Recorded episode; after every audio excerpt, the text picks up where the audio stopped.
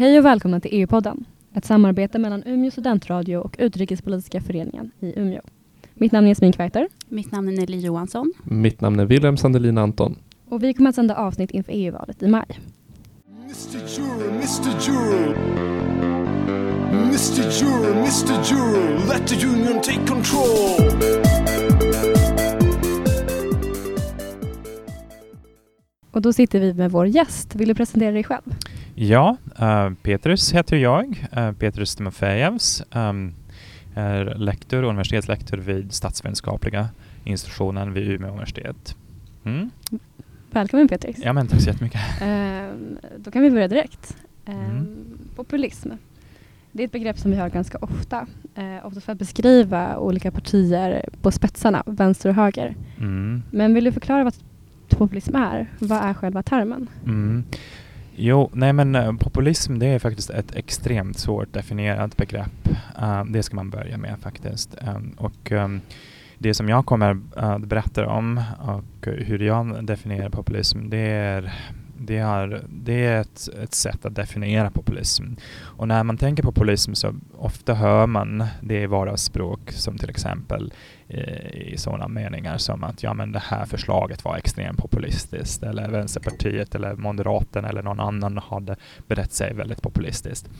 Men eh, Eh, då menar man ofta att det är publikfrieri eller någonting sådant. Va?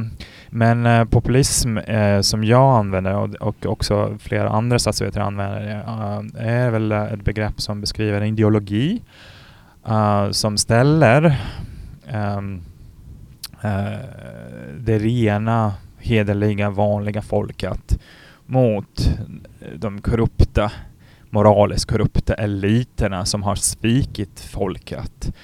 Och um, i vänstertappning är populism förstås um, mera inriktad på ekonomisk um, kritik, kritik av, eh, av ekonomiska förhållanden. Uh, de rika har uh, svikit de fattiga eller de har gjort folket ännu fattigare eller liknande. Uh, I högerorienterad populism så um, ofta handlar det om um, om att definiera folket på ett väldigt snävt sätt. Um, det vill säga att uh, man utgår från mer etnisk eh, definition av vad folket är. Som till exempel om vi befinner oss i Sverige nu så en högerpopulist skulle säga att att det rena hederliga folket det är alltså svenskar som har växt upp här i Sverige, som har jobbat hela sitt liv, betalat skatter och som har bott här i generationer tillbaks och så vidare. Och eliterna då har släppt in till exempel ja, de förfärliga, hotfulla invandrare. Till exempel från Östeuropa, jag själv kommer från Östeuropa, det är därför jag liksom använder det som ett exempel. Men, uh, men man har ju sett uh, i svensk, uh, svensk modern politik vissa tendenser då man pratar till exempel om muslimerna som ett hot mot det svenska samhället. Uh, och det är ett klassiskt exempel av um, högerpopulism. Mm. Så mm. ideologiskt kan man, kan man ställa sig frågan om populistbegreppet har fått sin rättvisa. Att det mm. ursprungligen så var det inte alls att man skulle nyttja missnöje utan att det handlade om att man skulle mobilisera sig som, eller organisera sig som folk. Ja, alltså det finns flera böcker skrivna i ämnet och jag måste erkänna att jag uh, uh, att jag har uh, bekantat med begreppet också på senare tid eftersom jag tidigare jobb jobbade med helt andra frågor. Mm. Men um, min uppfattning är att, och så vitt jag har förstått är populism någonting som man tidig, tidigast beskrev som ett ja, som till exempel i USA, att, att, att, det var vissa som revolterade mot eliterna, mm. mot, mot statsmakten, mot den federala statsmakten också ofta. Den vanliga hederliga medborgaren som hade liksom eh, svikits av staten eller av politikerna i Washington till exempel. Uh, lurats av storkapitalet och så vidare. Um, ja, och på senare tiden har man ju förstås eh, nyanserat och man använder det här begreppet också förstås i Europa i lite olika sammanhang. Man brukade ju prata också om populism på 30-talet, uh, men um, men eh, då har vi ju faktiskt andra begrepp nu för tiden för att beskriva det som, som hände på 30-talet. Och jag skulle ogärna vilja liksom koppla det tillbaks till, till historien utan jag skulle gärna vilja prata om populism nu för tiden. För att um, ja, det är, det är bäst att liksom använda det här begreppet när vi pratar om moderna företeelser tycker jag. Ja, så. Mm. Ja, eh, om vi ska försöka konkretisera det här med högerpopulism då. Mm, eh, ja. Vilka, jag har några exempel på högerpopulistiska partier i Europa idag. Ja, men precis. Eh, och då brukar vi prata vanligtvis om högerradikala populistiska partier uh, för att betona den här radikaliteten i, uh, här, i de här populistiska partierna. Och i sådana fall tänker vi vanligtvis på Front National, nu för tiden heter det Rassemblement pour la Nation um, i Frankrike. Um, då, det är en sån här prototypiskt exempel. Um, då uh, kan vi nämna också Österrikiska frihetspartiet. Um, Eh, min kollega eh, Ann-Katrin Junger vid Södertörns högskola har menat och i flera eh, sammanhang också definierat Sverigedemokraterna som högerradikal um, populistparti. Um, själv sysslar jag med, med östeuropeisk uh, politik och um, har sett att även där kan man uh, hitta flera sådana exempel. Bland annat uh, estniska konservativa folkpartiet Eh, eller lettiska eh, partiet som heter Nationella alliansen. Eh, Fidesz i Ungern också har ju ibland nämnts som högerradikal. Populistiskt parti, ibland har man pratat om antingen populistiskt parti eller högerradikalparti. Men ofta brukar man koppla ihop de här två begreppen och prata om högerradikal populistiskt parti, om Fidesz som sådant. Mm. Och, och, det verkar som att de flesta av de här högerradikala partierna är med i det beslutande, beslutande finrummet då? Att det är ganska vanligt att de är en del av politiken i landet? Ja, de har ju blivit valda i eh, parlamentet, ja, verkligen. Jo, ehm, de gjorde ju intåg i politiken redan på 90-talet. Eh, det var första gången då man såg att eh, de fick faktiskt platser inom parlamentet. Ehm, under en viss period så rådde ju också lite oklarhet från vanliga partiers sida hur man ska behandla de här nya partierna. Är det någonting som kommer att försvinna efter ett tag? Och det såg vi i Sverige. Eh, Ny Demokrati försvann ju 1994. Uh, eh, men um, uh, vissa partier har ju bestått som till exempel, uh, um, ja, om jag bara nämner Sverigedemokraterna, de har ju inte försvunnit. De är ju med och uh, de har ökat i stöd. Uh, Österrikiska frihetsparti uh, också har ju ökat stöd. Um, eller de, de, har inte ökat stöd men de är en permanent inslag. Lega Nord som nu för tiden heter Lega i italiensk, italiensk politik är ju också en permanent inslag kan man säga. och det som är intressant här förstås att, att de här partierna har ju blivit i vissa fall um, delar av regeringsunderlaget. Och um, i vissa fall till exempel i Danmark, Dansk Folkparti har ju varit stödparti, det vill säga att de är inte med i regeringen men de stöttar deras politik, gärna, så länge det är överens med deras värderingar. Och då kan de kritisera förstås, att de, att de är inte radikala nog, att de inte tar itu med problem på riktigt. Och på det sättet kan de behålla sin popularitet eftersom de inte behöver ta sitt, ta, ta sitt ansvar för den här politiken som regeringen för egentligen. Så vi kan konstatera att det är ganska många högerpopulistiska partier som har rejält inflytande. Oh ja. eh, vad är det som karaktäriserar deras utrikespolitik? Deras utrikespolitik, det är någonting som jag sysselsätter med just nu faktiskt och försöker förstå. Här ska jag vara lite försiktig för att jag fortfarande um, forskar om ämnet och, och det är um, relativt lite som är skrivet i ämnet. Men man kan väl säga så här att gällande EU-politik är de oftast relativt EU-kritiska, euroskeptiska som det heter och och eh, då menar de att, eh, att EU har fått alldeles för mycket makt. Att eh, suveräniteten har förts över i för, för stor utsträckning till EU. Och i vissa fall är de väldigt positiva till Ryssland, vilket är ju väldigt speciellt i europeiskt sammanhang eftersom efter Krimkrisen 2014, efter uh, kriget i Ukraina, så, så betraktar ju vanliga politiker i alla fall Europa mm, Ryssland som ett um, Eh, som ett hot mot, det, mot den ordningen, mot den vär, världssäkerhetsordningen som, som råd, har råd, rått hittills i alla fall.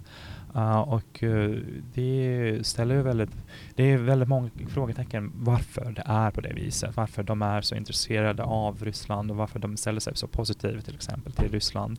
Men a- en anledning varför de kan vara så positiva till Ryssland är kanske att deras värderingar stämmer lite grann överens med den traditionalistiska samhällssynen som Vladimir Putins um, um, regim på senare tid har börjat att stötta opposition mot samkönade par, opposition mot, mot homosexualitet, mot uh, jämställdhet i europeisk tappning. Uh, man, man har väldigt tydliga roll, könsroller uh, och idéer om hur familjen ska fungera och så vidare. Och så vidare. Och eh, det är ju någonting som verkar också vara sympatiskt för högerradikala populistpartier också. Då måste jag också tillägga att högerradikala populistpartier är ju inte homogena. De ofta är väldigt anpassade till det lokala sammanhanget. Så till exempel det svenska eh, partiet är ju inte alls på samma sätt traditionellt som, som, som, som till exempel andra partier i Europa. Det, de är väldigt, de kan ibland skilja sig rätt mycket åt. Och um, ja, svaret på din fråga om utrikespolitik som var egentligen din fråga. Um, jag vet inte. Uh, men man kan väl fortsätta att säga att, att, att man uh, som högerradikal populistparti ser ju eh, framförallt sitt rena fo- eh, man, har, man har en tydlig definition av vad är det rena folket, alltså vad är det folk som de representerar. Och eh, man försöker förstås försvara det i internationellt sammanhang. Och ofta är man ju också som högerpopulistisk parti eh, ganska så kritisk till den rådande eh, sättet att lösa problem på internationell, på nationell nivå. Man är, lite kri- man är ganska kritisk mot, mot EU, ibland mot NATO i vissa fall också. Uh, man är emot globaliseringen. Uh, och varför? Jo, för att globaliseringen det tillför ju ganska mycket in invandring. Det, det tillför också andra problem. Att man tappar kontroll över nationsstaten, av vad som händer i nationsstaten. Att, att kapitalet får eh, allt större makt. Uh, det internationella kapitalet alltså, inte det nationella kapitalet utan det internationella just. Ja, det är väl eh, kanske i stora drag deras, ehm, deras syn på internationell politik. Jag tänkte bara på en sak. Man pratar ju ofta Mm. fortfarande om den traditionella vänster och högerskalan inom Ja, EU som kontext. ja. Men också att EU-skepticism som en åsiktsdimension blir allt starkare. Mm. Tror du att just den här EU-skepticismen kommer att utvecklas? Kommer den bli starkare? Ehm, vad tror du Ja. om det? Det är en bra fråga. Det är en bra, verkligen en riktigt bra fråga. Ehm, I svenskt sammanhang har man börjat prata väldigt mycket om den så kallade Galtan-skalan. Och Galtan, GAL står för Green Alternative Libertarian, TAN för Traditional Authoritarian Nationalist. Eh, och det är då de här två motpolerna eh, som, som man kan positionera partier också på. Det är lite oklart om, om europe, Europaskepsisen mot mer proeuropeisk politik, om det kommer uppstå som en så här väldigt, väldigt, väldigt viktig eh, skala. Men inför EU-valet kan man ju se att eh, vissa partier positionerar sig även på denna skala såklart. Ja, verkligen. Så du tror också att det kan bli en nationell valfråga inför EU-valet? Nationell valfråga, det vet jag faktiskt inte. Jag, jag, om jag förstår rätt din fråga så, Mm. så tänker du mer liksom i nationell politik, Mm. ja? Exakt. Ja, Eh, det är lite oklart för mig. Alltså, Sverigedemokraterna eh, kom ju ut i början av juni, om jag minns rätt, eller i slutet av maj och meddelade att de tänker driva anti, mera an, EU-utträdesrelaterade mm. krav och så. Vänsterpartiet däremot bestämde att nej men vi ska inte driva den här frågan eftersom vi vill inte vara i samma lag som, som, som, som Sverigedemokraterna. Och det var lite intressant att se. Mm. Och då så kunde man se från andra sidan att, att, att Liberalerna kom ut som extremt EU-positiv eh, kraft. Men blev det någonting av det? Blev det verkligen så att, att de här partierna lyckades att, att mobilisera uh, väljarna mm. kring den här konfliktfrågan? Jag är inte helt mm. säker. Jag tror att i nationella val uh, så är väldigt mycket diskussioner fortfarande kring de traditionella vänster-höger-frågor. Uh, ekonomi, välfärd, skatter och förstås om de nya frågor som um, Galtan-skalan avspeglar invandring, um, mer frihetliga um, värden, sociala värderingar och så. Jag vet faktiskt inte eh, om, om EU-frågan kommer att bli så stor i framtiden, men jag utesluter inte det. Man, samhället, eh, man kan inte förutspå så lätt vad som kommer att hända i samhället i framtiden, tyvärr. Um, kanske vi ska gå vidare till Europaparlamentsvalet och lite hur högerpopulismen kan komma att ta sig uttryck inom EU. Ja, nej men eh, före valet 2014 så var ju det väldigt mycket snack om att nu kommer vi se en högerradikal vändning och det kommer bli väldigt stor framgångar för dessa krafter och så. Och det stämmer ju delvis, att det blev ju lite grann av det. Uh, de, de höj, verkligen gjorde bra av sig, verkligen. Men, ehm, men kan vi prata om någon sorts av högerradikal vändning? Jag är inte helt 100% säker. Det som vi ser däremot är att det finns fler och fler försök att etablera någon sorts av enad front på det, bland de här partierna. Um, och ibland så är det väldigt märkliga initiativ som till exempel att Steven Bannon, Steve Bannon från, från USA kommer över. Steve Bannon var en gång i tiden Donald Trumps uh, rådgivare och, uh, och, uh, och, och, och, han försökte medla och erbjuda liksom att, att ja, men det kanske är en bra idé att, att samla krafterna. Men det som är intressant är att, att de här partierna är ju inte helt hundra procent likadana. Äh, till exempel Lega Nord, de har relativt pro-ryska idéer och tankar och positioner medan äh, på polska PIS, um, um, partiet, de är ju relativt Rysslandsfientliga kan man säga. De är väldigt försiktiga med Ryssland och så. Så jag ser faktiskt inte riktigt att de, kommer att, att, att, få ihop någon sorts enad front mm. inför valet 2019. Mm. Men däremot kommer vi kanske höra mer och mer uh, om dem. Och uh, jag tror att uh, högerradikala populistpartier helt enkelt ser Europaparlament som en ny arena där de kan um, ge uttryck till sina tankar, idéer, driva olika frågor. Vissa är ju ganska så pragmatiska och kan faktiskt komma överens med mer etablerade partier mm. om vad som bör göras, hur reformerna bör drivas och så. Andra är mer ideologiska och renare ideologiskt och, och, och väldigt kritiska mot systemet och eh, kan inte ens tänka sig att, att sitta vid samma bord som, som de etablerade partierna.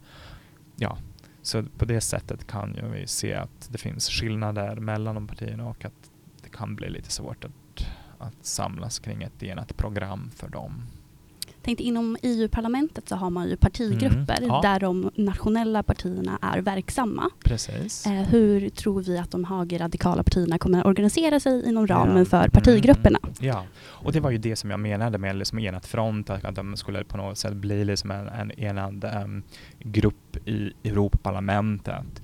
Och jag tror att det kommer bli väldigt svårt att, att för dem att liksom bilda en stor grupp, mäktig grupp, utan de kommer vara lika splittrade som eh, hittills faktiskt.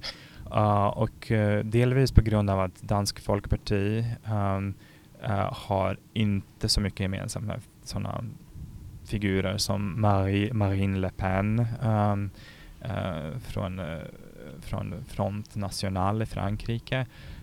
hon, hon, har hon framstår ju för danskar som väldigt yvig och väldigt, väldigt annorlunda.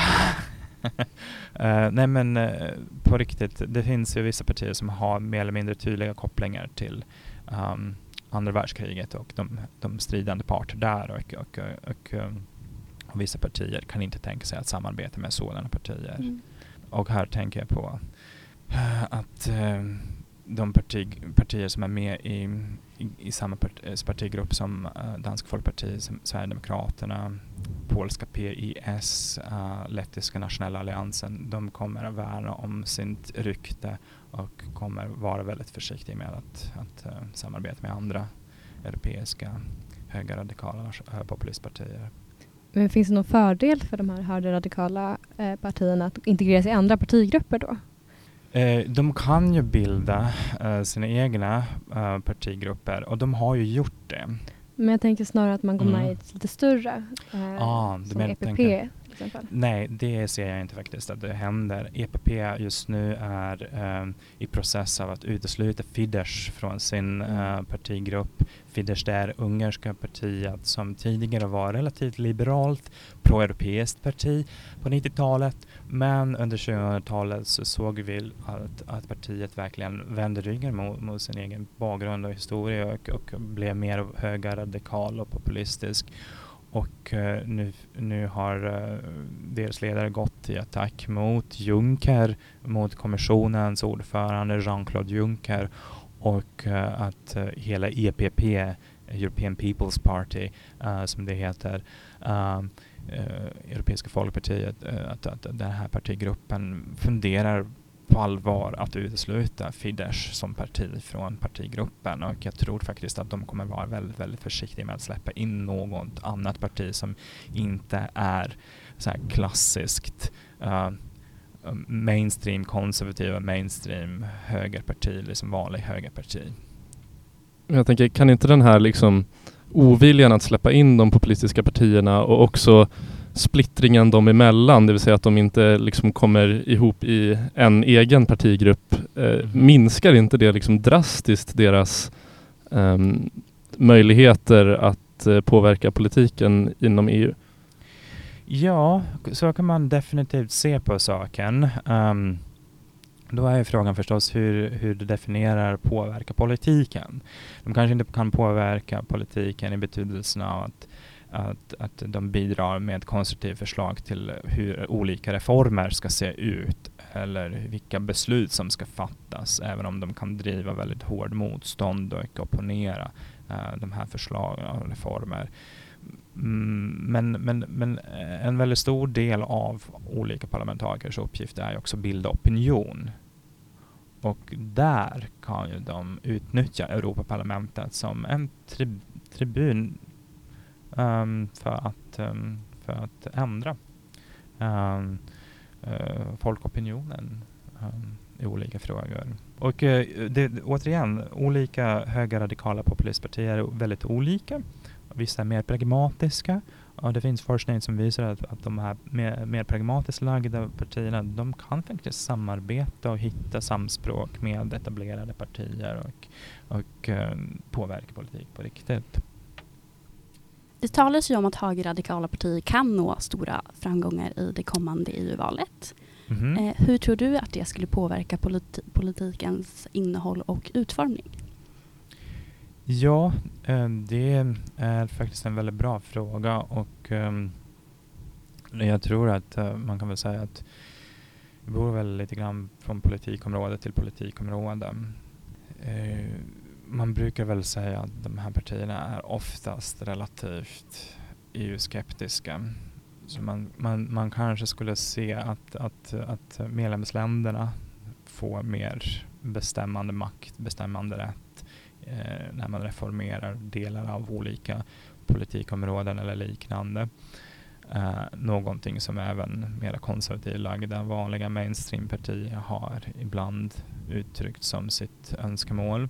Pratar man då om att stärka Europaparlamentets roll gentemot ministerrådet eller hur pratar man? Nej, tvärtom. Att, eh, att, man, att, man, att man menar att vissa, vissa politikområden skulle behöva föras tillbaka till, till, till, till medlemslandsnivå. Okay. Mm.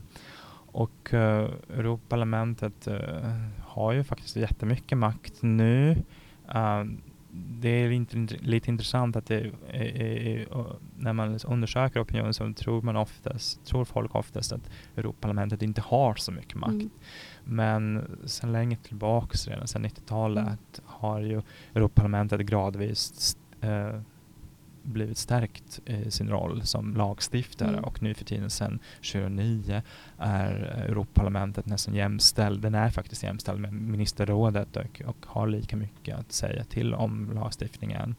Uh, men jag skulle nog tro att man skulle kanske kunna se vissa förslag på hur man hanterar uh, migrationspolitik. Um, hur eh, migrationspolitiska åtgärder skulle utformas. Att, att man skulle liksom in, eh, försöka minska antalet av, av migranter som får stanna i Europa.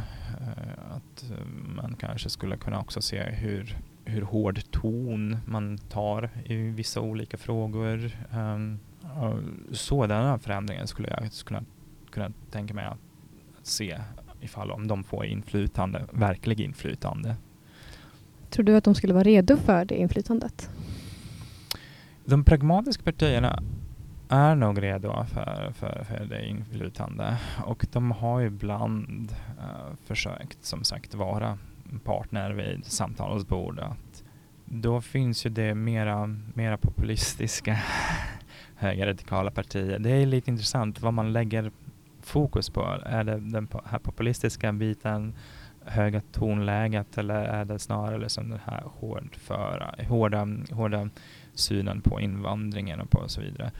Mm, jag till exempel har lite svårt att se hur Salvinis parti, Lega Nord, skulle kunna bli insläppt i finrummet vid EU-förhandlingsbordet. Nu är de insläppta på grund av att av att premiärminister, uh, förlåt inte premiärminister, men uh, regeringen består ju av um, delvis av, av ministrar från detta, uh, detta parti. Men, um, men, um, men i Europaparlamentet har jag lite svårare att se att, att de skulle ha en väldigt, väldigt inflytelserik roll i framtiden.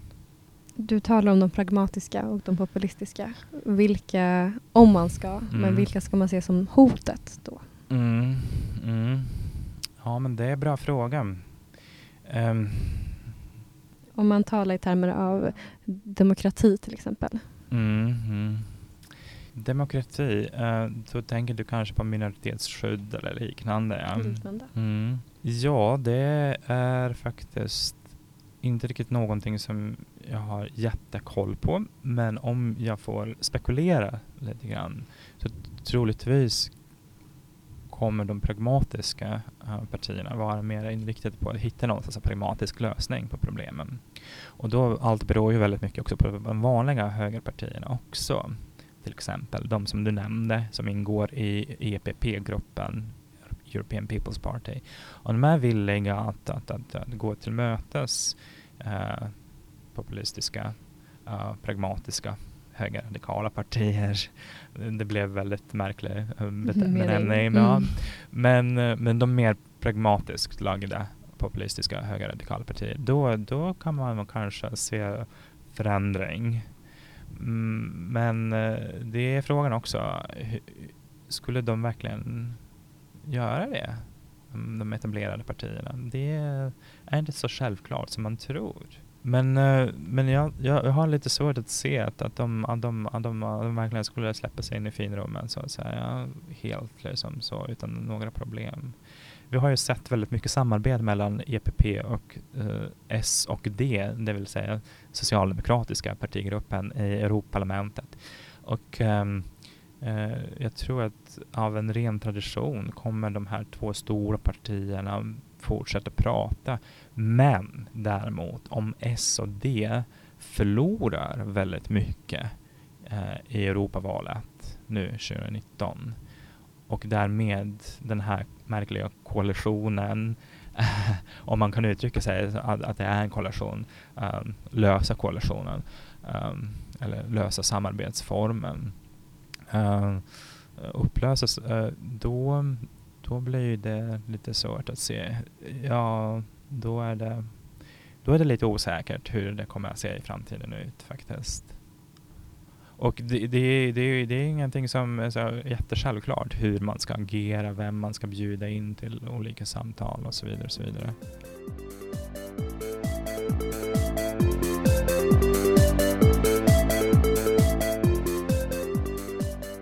Du har lyssnat på EU-podden av Jasmin Kuwaiter, Wilhelm Sandelin Anton och Nelly Johansson.